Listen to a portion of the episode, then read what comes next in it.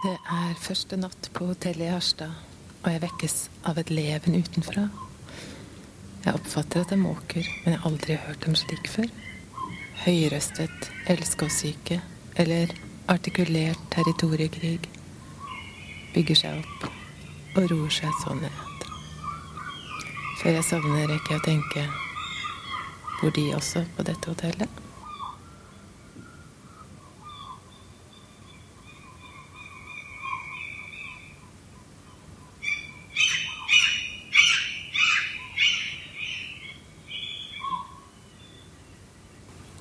Spetakkelet gjentar seg de kommende nettene.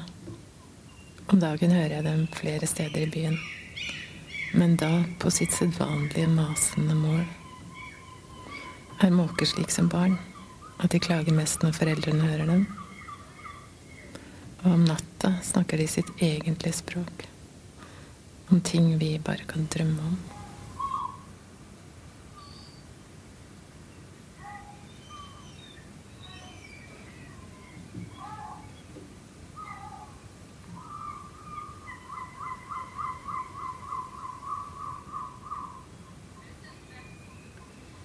Fastlandet i Norge hekker måker regelmessig.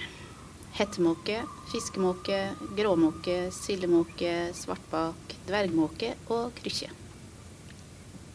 Den største av dem er svartbaken, mens dvergmåka er minst. Krykkja hekker i store kolonier, ofte med tusen par samlet tett i tett i fuglefjell. Også de andre måkeartene hekker i kolonier, men disse oppnår ikke antallene i krykkjekoloniene. Krykkja har gått tilbake i antall de senere årene, men f.eks. dvergmåka har økt i antall. Måkene legger som regel tre egg, men krykkja nøyer seg som regel med to egg. Rugetiden er pluss minus fire uker, og ungene blir flyvedyktige ca. en måned etter at de er klekt.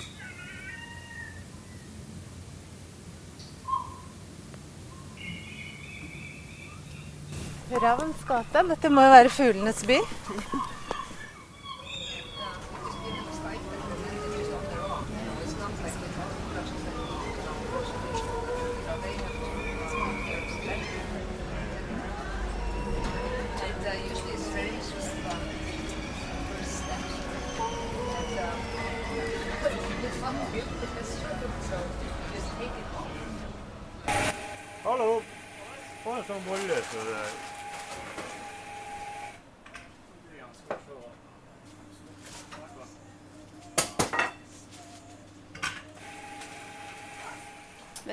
Har dere noen gang hatt måse inne i butikken her? Har forferdelig du noen gang hatt måse inne i butikken her? Vi har eh, Han sier ja, jeg vet ikke, vi har vært nært et par ganger, men eh, at de har kommet seg fort ut, rett og slett. Men, har eh, du kosta dem ut? Jeg har ikke kosta dem ut heller, Det har vært eh, jakt. Ja.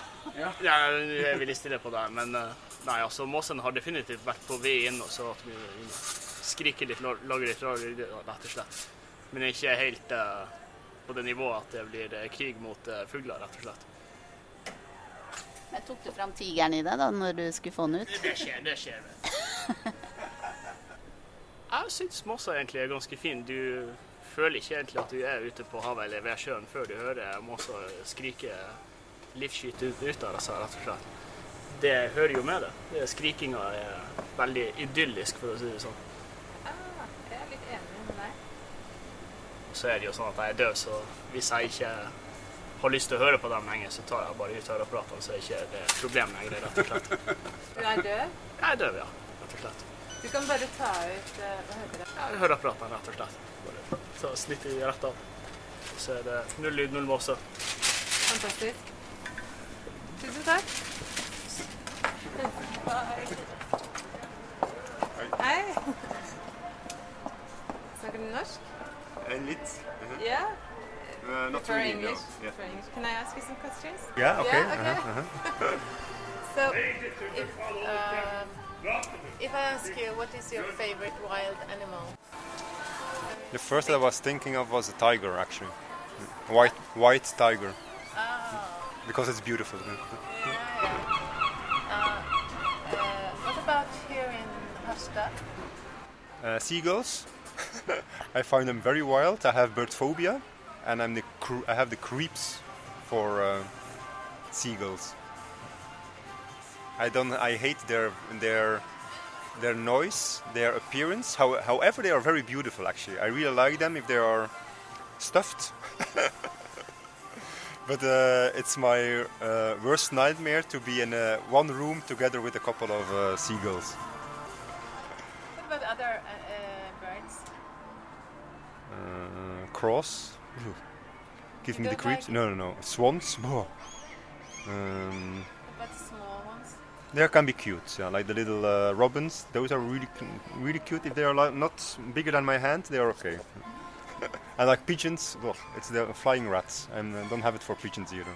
I'm a bit um against. However, I really like birds also if they are cute. So I'm not. I'm not that categoric.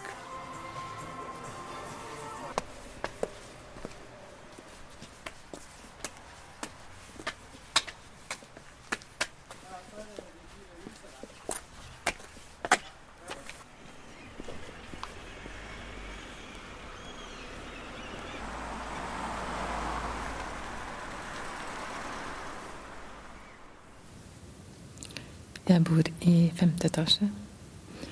Utenfor hotellvinduet på en avsats på motsatt side, kanskje ti meter bort, sitter en måke.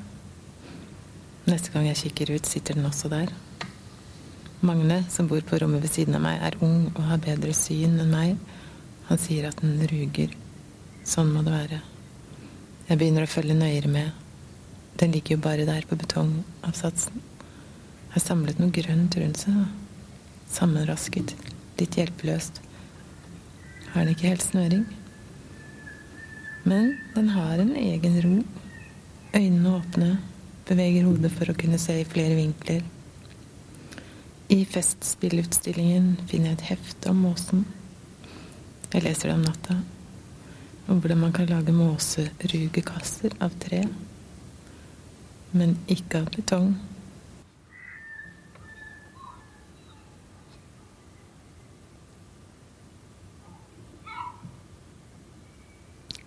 Hvordan er det å ligge slik i hvilestilling? Bare måtte fordi kroppen krever det? Vet den i det hele tatt hva som snart skal skje?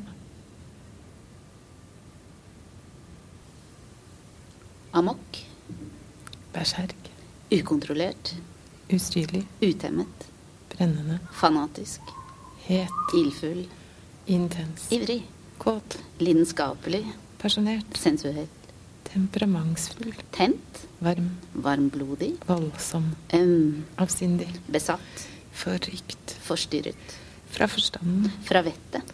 Gal. Ikke riktig klok. Ikke vel bevart. Manisk. Paranoid. Pling i bollen. Psykopatisk. Rabiat. Rusk. Sinnsforvirret. Sinnssyk. Skjør. Skrullete. Sprø. Sprøytegal. Steingal. Utilregnelig. Vanvittig. Barbarisk. Fri. Hemningsløs. I vilden sky. Lavtstående. Naturlig. Primitiv. Rå. Tøylesløs. Ubehersket. Uemmet. Ukultivert. Umiddelbar. Uordnet. Usivilisert. Usjenert. Vilter. Djerv. Dristig. Dumdristig. Farlig. Halsbrekkende. Indiskré. Risikabel. Tankeløs. Uaktsom. Ubesindig. Ubetenksom. Ufornuftig. Uforsiktig. Uvettig. Uvøren. Vågal.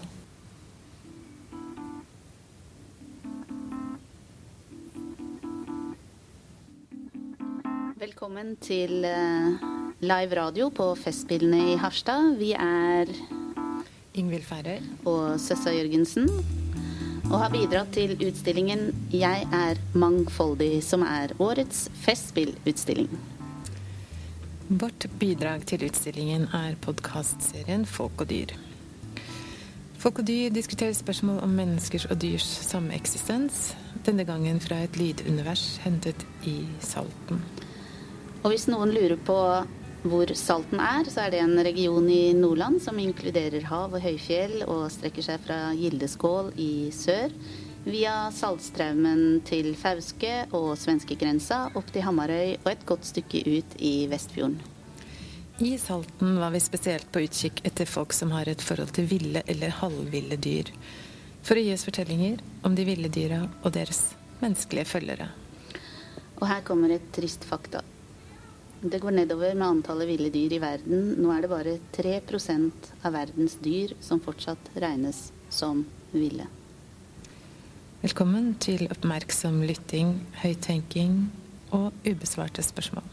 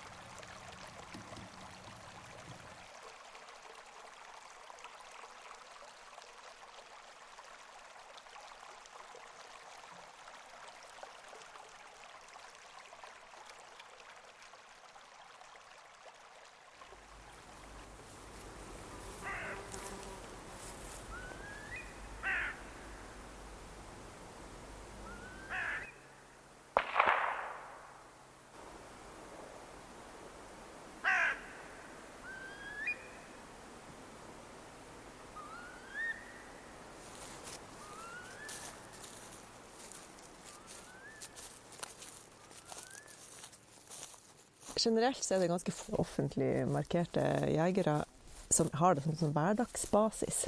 Det er jo ofte sånne der troféjegere som er ute på alle de der jaktplanene som står med en stor død hjort eller en Ja, det er veldig masse fokus på den der døden, da.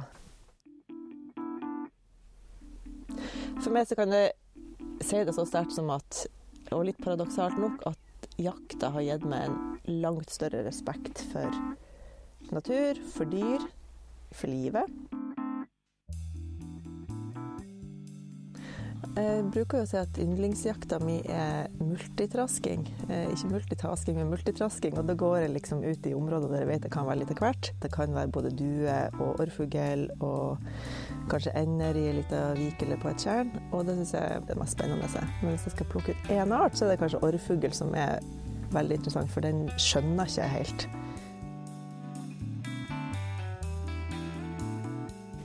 Jeg heter Marie Almli, og jeg bor her i Steigen, hvor jeg har vokst opp. Eh, og alltid vært ganske masse ute på tur. For meg så er det her en veldig god lyd. det betyr at uh, nå skal jeg på jakt.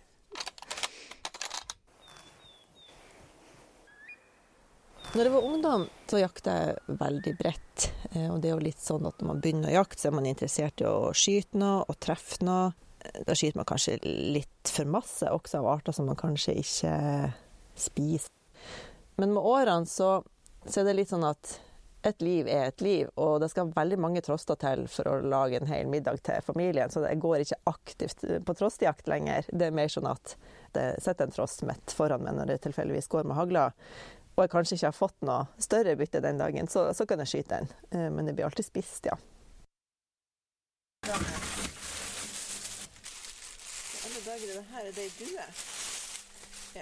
Sånn ser de når man pakker de sammen. Liksom. Egentlig så legges hodet inn under vingen. Ja, det er litt sånn Jeg vet ikke. Pakker liksom nesten som den ligger og sover, på en måte. Her er den skutt akkurat der i brystet.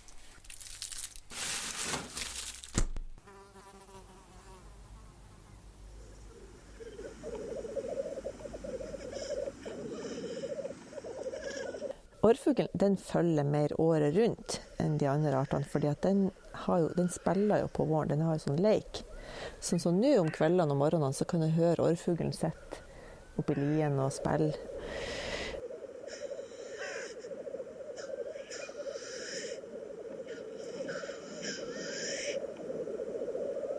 Det var, det var, en høst her så var det en sånn unghane. De kan bli litt sånn fortulla, de århanene, hvis temperaturen er høy og eh, så de, de unge hanene spesielt, plutselig kan de sitte og spille på høsten, når det egentlig ikke er paringstid. Men da var det en unghane som satt og spilte, og jeg fikk anledning til å snike meg innpå den i spill, og så skjøt jeg den. Det er alltid litt vondt. Jeg har jo skutt rype som Der for den ene foten av, og så ser du at den lever og ligger og flakser med vengene, og så må du skyte på nytt. Og kanskje du ikke treffer på deg skuddet heller, for da var du kanskje litt langt unna, så må du sprenge nærmere. Da går jo sekundene, og den har det vondt. Og så Nei, forhåpentligvis, og i de aller, aller, aller fleste tilfellene, så går det der veldig fort eh, og konsist, og man treffer, og den dør på flekken. Så da går jeg fram, og så er det faktisk litt sånn at eh, Jeg vet ikke, det blir et sånn stille moment der. Der jeg bare liksom bare ser jeg meg foran der han sto nettopp og var stolt og uoppmerksom, eller var oppi noe helt annet, så kom jeg inn og brøt inn i livet deres. Altså, jeg kan se for meg han der, og nå ligger han der død. Og da er det litt sånn vemodig. Men så plukker han opp, og så kjenner jeg på han, så er jo så kan jeg være fornøyd med at OK, det var et fint skudd, det var bra. Um, og det blir veldig god mat. Og så pakker han i sammen, legger hodet under vengen på den, og pakker han inn kanskje i avispapir og legger han i sekken. Og da føles det veldig godt å gå med den ekstra vekta i sekken. At jeg har skutt maten min sjøl, på en måte. Jeg føler meg veldig som Jeg føler meg som, som et dyr, jeg også. På en måte. Jeg føler meg hjemme, på plass, at jeg har rett til det. Eh, fordi jeg er en alteter. Sånn at den kjøttkvota jeg skal spise i kostholdet mitt, den, den på en måte føler at jeg har rett til det hvis jeg vet at det er nok av den arten rundt meg. Vi er jo, vi er jo herre over liv og død på veldig mange måter nå til dags uansett. Eh, vi velger jo de ungene vi skal bære frem, og ikke man tar eh, abort, man, tar, eh, man genmodifiserer, man har makt over liv og død i medisin på sykehus. Sånn at når det er for å få mat, kortreist, økologisk, frittgående, alle de her honnørordene knytta til mat, så, så, tenker jeg at eh, sånn i situasjonen kan det oppleves litt brutalt av og til. Og det tenker jeg er fint. Jeg har lyst til å bevare den respekten. Og, og har lyst til å, å, reflektere over det i lag med ungene mine. At ikke de bare blir sånn som går og plaffer ned alt som beveger seg der ute, men at de skal ha den, den respekten og det vemodet knytta til hvert enkelt fall. Skal jeg kutte her og nå? Er det her den siste solnedgangen den rypa skal sitte og se på? Ja, akkurat så alvorlig er det, og, og den respekten bør vi ha når vi håndterer liv. Når vi er i berøring med dyr i det hele tatt.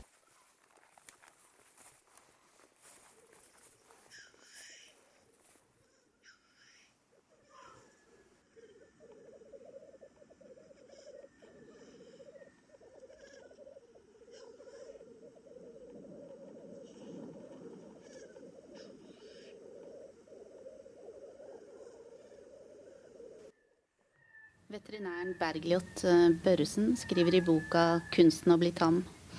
Det å bære mat hjem til avkommet gir ellers ulike dyrearter en felles profil. Dermed er ulv og menneske mer beslektet enn avstanden på pattedyrenes stamtre skulle tilsi. Det gjentar jeg. Det å bære mat hjem til avkommet gir ellers ulike dyrearter en felles profil. Dermed er ulv og menneske mer beslektet enn avstandene på pattedyrenes stamtre skulle tilsi.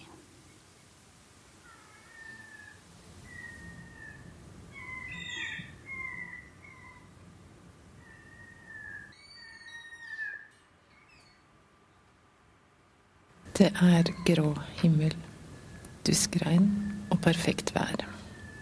Jeg tar med barnet på fisketur. Arven fra bestefar, som nå er død, må videreføres. Det er min plikt og store ønske. På farssida er det fiskere generasjoner. Sildefiske på 50-tallet ga penger til utdannelse. Hver sommer siden vi var små, var høydepunktet å dra ut på sjøen. Lange dorgeturer utover natta. Ullklær for å ikke fryse. Oljebukser fordi vi alltid ble våte. Nå er det barna mine sin tur. Og vi har flaks. Makrellen står rett utafor Rasmusholmen. Det er bare å hive snøret uti. Napp med en gang. Og ikke bare én, men tre makrell på første kast. Jeg hvisker opprømt 'kom igjen'. Men barna er ikke helt med. Og broren min sitter med et rart uttrykk i fjeset. Han er vegetarianer og vil ikke drepe dyr. Barna synes ikke fisk er særlig godt, og mener det hele er oppskrytt. Og er lett sjokkerte av å se mor i slaktemodus.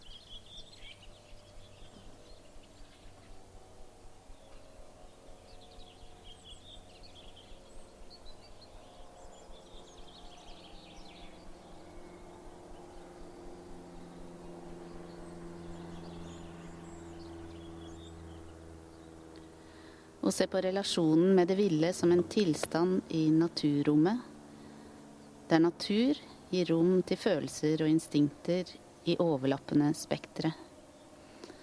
Akkurat så mye rom relasjonen trenger. Uendelig eller ustoppelig. Eller udelelig.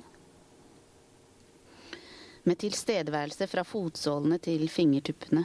Binde usynlige bånd ved hjelp av munnens lukt hudens ånde, tarmens mumling, hele kroppens elektrisitet, sildrende hjertebank, uforklarlig tro, ubehersket poesi, hårete fantasi, balansert selvtillit, storm fra hypofysen, nakkehår som reiser seg, farge som brer seg, varme som stiger, kjønn, lepper, hud, pels, værhår, rykninger, Sløre blikket innover, blinke utover. Se den ville løpe, strekke ut, så vidt berøre marka, forsvinne. Synet frigjør ditt eget ville, frie, ærlige egne, før det fanges inn igjen. I et lite skolebibliotek av sivilisert barnelærdom innafor gjerdet.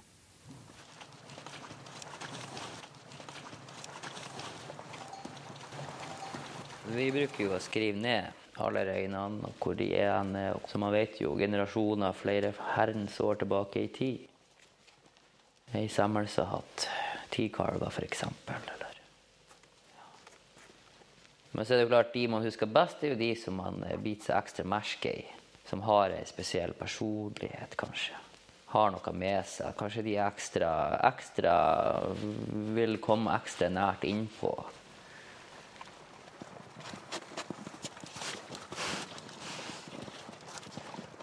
Han der, han, han på sammen kaller seg for en olbmotsoka. Det betyr en rein som er en menneskefølge.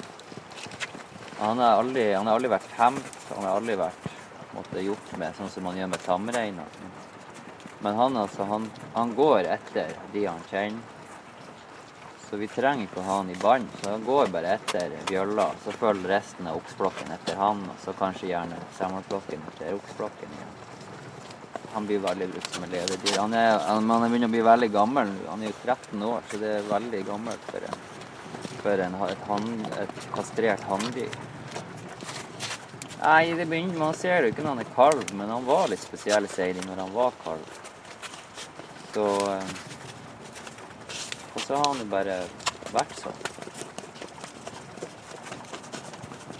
Før i tida så kunne man ikke selge de der for penger. Bytte en til kanskje. Men vi har mange som følger etter når man bare går med rein med ei bjølle, f.eks. Det er litt sånn Det er mange som føler det, men det er ingen som føler like bra som han. Han er Han har, han har sikkert følt langt inn i Bodø by hvis jeg hadde han med meg.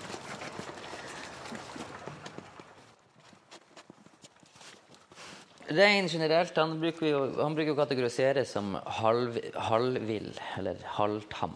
Han er ikke tam som ei ku eller som en hund eller på den måten. Ikke sånn domestisert. da. Men han er ikke vill som et viltdyr. Han er som en mellomting av det. Eh, kanskje når det gjelder vår rein, så er han eh, kanskje like mye tamdyr. Vi har jo, jobber jo veldig intensivt med han, så det gjør jo at man får komme veldig nært, nært han. Eh, men når jeg tenker på at vi bruker tamrein, så er det at man, man temmer en rein. Sånn at han er, kan gå i bånd. Så den personen som går foran flokken, han har med seg en rein som gjør at de andre følger etter. Og det er for at man skal komme seg, komme seg gjennom forskjellige flaskehalser. Først er tamrein, eller han, han her menneskefølgeren. Og så kommer det gjerne okser eller gamle semmel som har vært med på det før, som har en vet at det her er Nå skal vi den veien.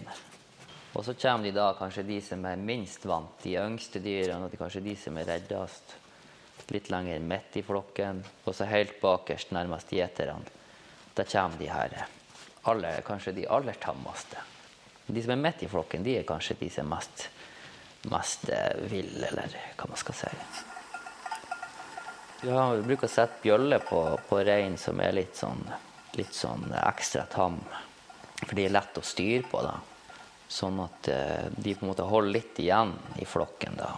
Hvis det er en del av flokken som skjærer ut i ei side, så skal helst ikke Hvis det da er feil side, så skal han ikke være så snar etter resten av flokken. da. Så da er det gjerne, noen har man gjerne sånn litt tamme dyr helt bakerst. Men de innordner seg det sjøl, så det er vi som på en måte plasserer bjølla ut ifra hvilke egenskaper de har. Det er jo gjerne i, i perioder F.eks. under høstsamlinga så skal vi forbi et, et skianlegg her i Fauske. Og der er det, det er ganske utfordrende. så Man kommer nedover med reinflokken og kan treffe på både turgåere, og det er veldig trangt. og Til slutt så skal vi over hele stadion med svære gjerder med reklameplakater. og men eh, bare man har noen hvis man, Så lenge vi greier å ha de her tamreinene med nedover, så følger resten av flokken etter.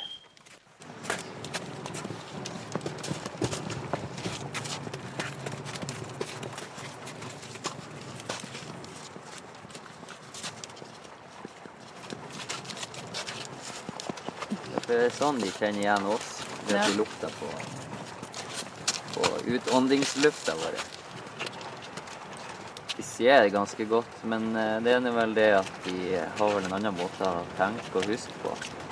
Fordi det er jo sånn de måtte på en måte peker ut andre reiner i flokken òg. Når de, de, lukter hverandre der bak. og De prøver vel å ha en slags kart over hvem de andre reinene er, på et vis.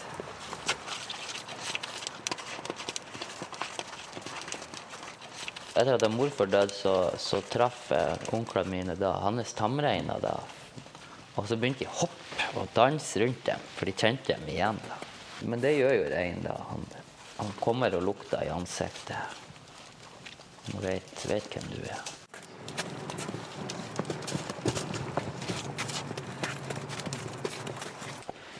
Men det er nå kanskje der når man får Når ting er, man er i en god flyt, på en måte. Det er så godt da, når man endelig er ferdig med flytting og sånn der, f.eks. Eller det, når man har slåss mot jernbane og sånn, så plutselig kommer man ut av det og kommer videre og, og til mer urørt natur og, og rein, og folk trives. Det å koke kaffe på våren, f.eks. De første kaffekokene man tar. Det er kjempemessig.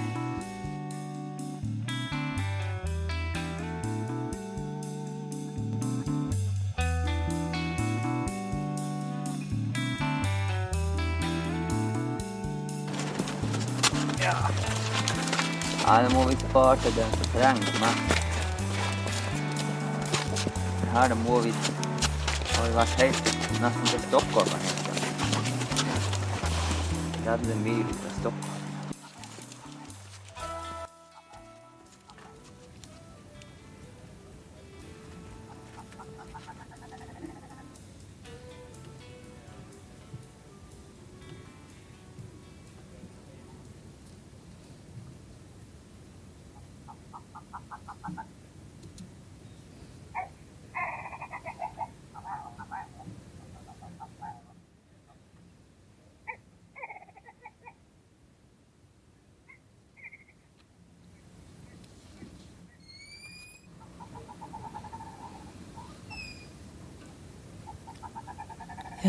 Er en engstelig type. Men jeg har lært meg å ikke vise frykt i sosiale sammenhenger. Jeg skanner enhver ny sammenheng, og i løpet av sekunder vet jeg hvem som er fast i håndtrykket, hvem som har status, hvem som er lett antennelige, og hvem som er upålitelige. Jeg unngår de med skingrende stemmer, svette hender. To av samme sort vil ikke gå særlig bra.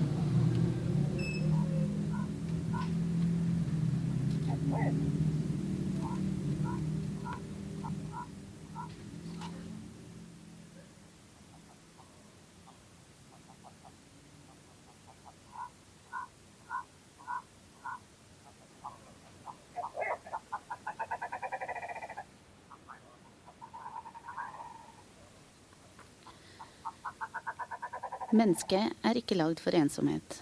Vår naturlige flokkstørrelse er 150 mennesker, ifølge Robert Dunbar, en britisk antropolog og evolusjonspsykolog. Han så på gruppestørrelse hos en rekke primater basert på kognitiv kapasitet. Jo mer kapasitet, jo større grupper.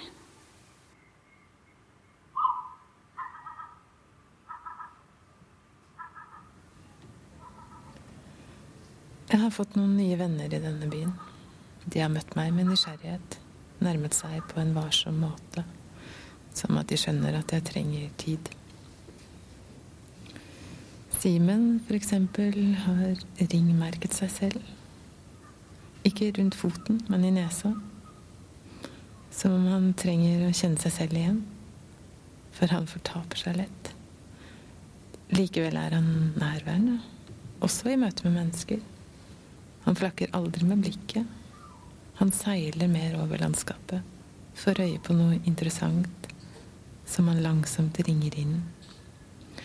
Han er en slags bygger. Han bygger alene, i eget tempo, og ler lydløst.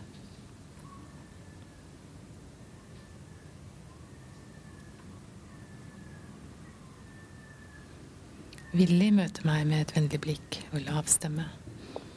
Først etterpå skjønner jeg at huden, som først virket tykk og vannavstøtende, er transparent og svært mottakelig.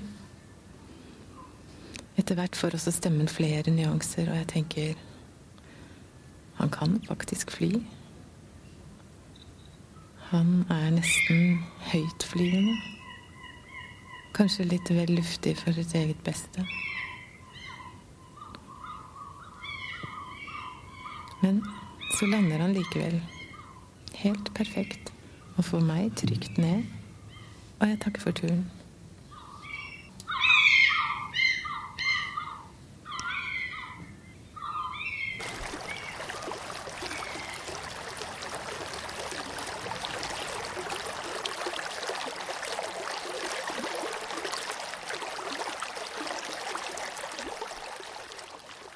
En hest trenger så lang tid den trenger for å lande på et sted. Bli den hesten den skal være, så å si fylle ut sin egen silhuett. Få avstand til det som er blitt krevd av den før. Men kan man i det hele tatt kreve noe av et dyr? Når er det riktig å innskrenke dyrs frihet? I et tamdyr er det alltid et vilt dyr. Dyra blir vant til oss, men de agerer fortsatt på eget initiativ. Bruker sine egne instinkter, akkurat som de fine buhundene som jeg kan kommunisere med med blikket, hviske til. De hører likevel. De er glad for å se meg. De vil at jeg skal kose med dem. Til gjengjeld slikker de meg i ansiktet. Men om et rådyr grynter i skogbrynet, slår instinkter inn og de er på jakt utenfor min rekkevidde. Søndag hadde jeg brukt hesten til å tilfredsstille mitt eget ego. Jeg tror ikke det var på bekostning av hesten, men jeg ville vise hva jeg kunne for et utvalgt publikum. Etterpå skulle vi, hesten og jeg, forte oss hjem. Det vil si Hesten lå på enga og sov og hvilte seg, men kom seg fort på beina da jeg ba om det. Siden lastet jeg henne på hestehengeren.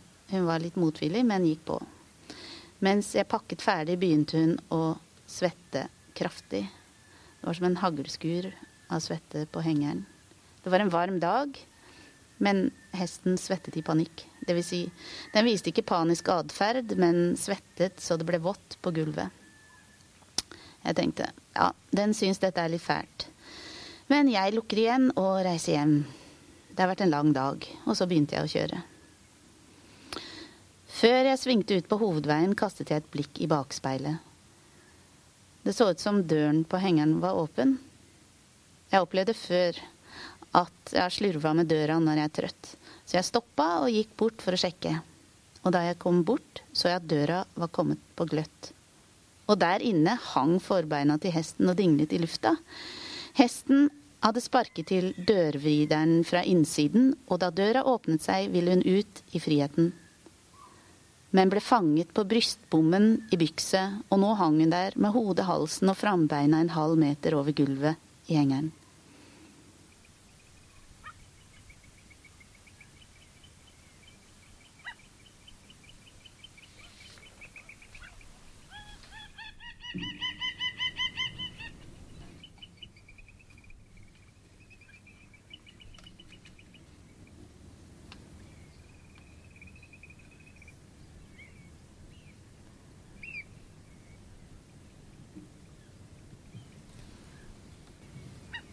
Tillært hjelpeløshet er en teori innenfor psykologi og psykiatri som er brukt for å forklare visse former for lettere ikke-psykotiske depressive reaksjoner.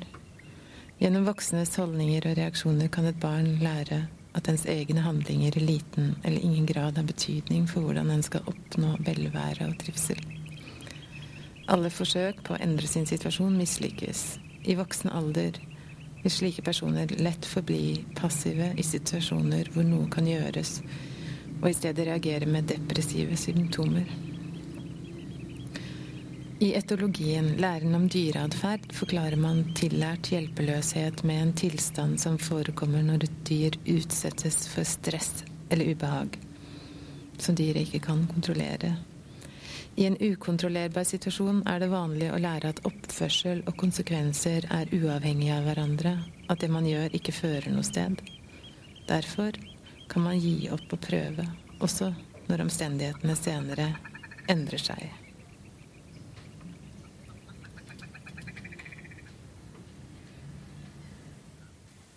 Hvor lang tid tar det å lære seg de viktige signalene?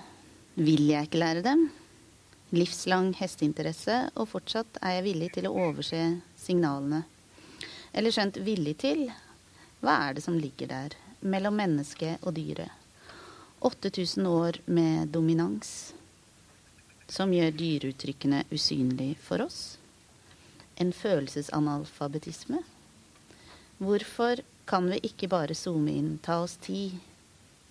Blir vi overkjørt av rovdyret i oss? Er det derfor vi kan pine kyllinger og griser? Er det derfor vi ikke kjenner medfølelse og smerte med fisken som har kroken i munnen? Og er de som er dyrevernere, redd for å se seg selv i hvitøyet og møte sin egen medfødte dominante atferd, så de lar være å håndtere dyr overhodet? Hesten min er lavmælt, rolig, stille.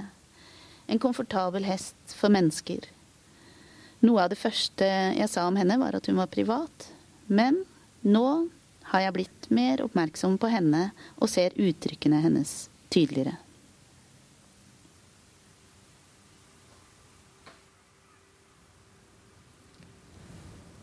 Magne er også en fugl, med små, vakre øyne og lang hals. Til tross for ung alder har han magiske evner og lang erfaring med mennesker. Han er ikke så redd som han ser ut. Bare veldig, veldig flink til å lytte til andre, forstå og til og med snakke deres språk. Nesten som en trost. Sajay er omtenksom, årvåken, atletisk. Etterkommer av en tiger, faktisk. Han angriper bare når han blir desperat, i selvforsvar, gal av all uforstand i verden. Men da angrer han etterpå. Og han tar aldri, aldri måker.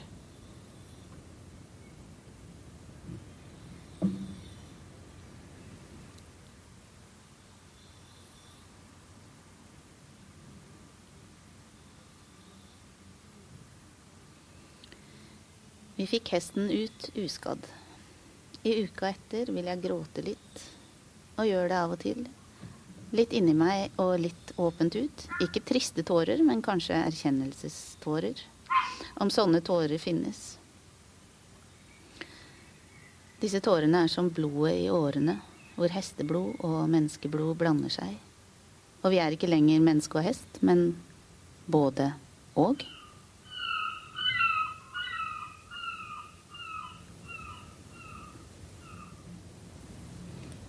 Jeg kommer hjem til hotellet, kikker ut vinduet for å se om måsen fortsatt ligger der.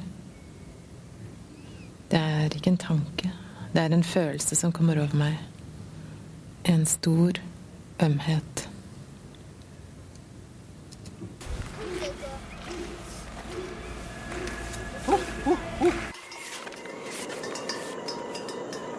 Men det er kanskje det at det, ikke sant, nå vi kommuniserer så utrolig mye med ord. Sånn som for eksempel Miriam, når hun, hun, er, hun legger seg ned, sånn veldig sånn der, og ser hun på meg på en sånn måte. Så at man må bare klappe henne, eksempel. Ikke sant? Det er ikke sånn at hun sier Kan ikke du klø meg, og vær så snill? Men hun bare Hun liksom bare gjør det. Og det er helt opplagt at det er det hun vil, og det vil jeg òg. Det er en sånn type sånn Kanskje den måten Det er så ukomplisert, det er så direkte. Og det er, det er liksom Man trenger ikke å liksom det opp i hodet. Man bare Bare sånn. Pappa. Okay,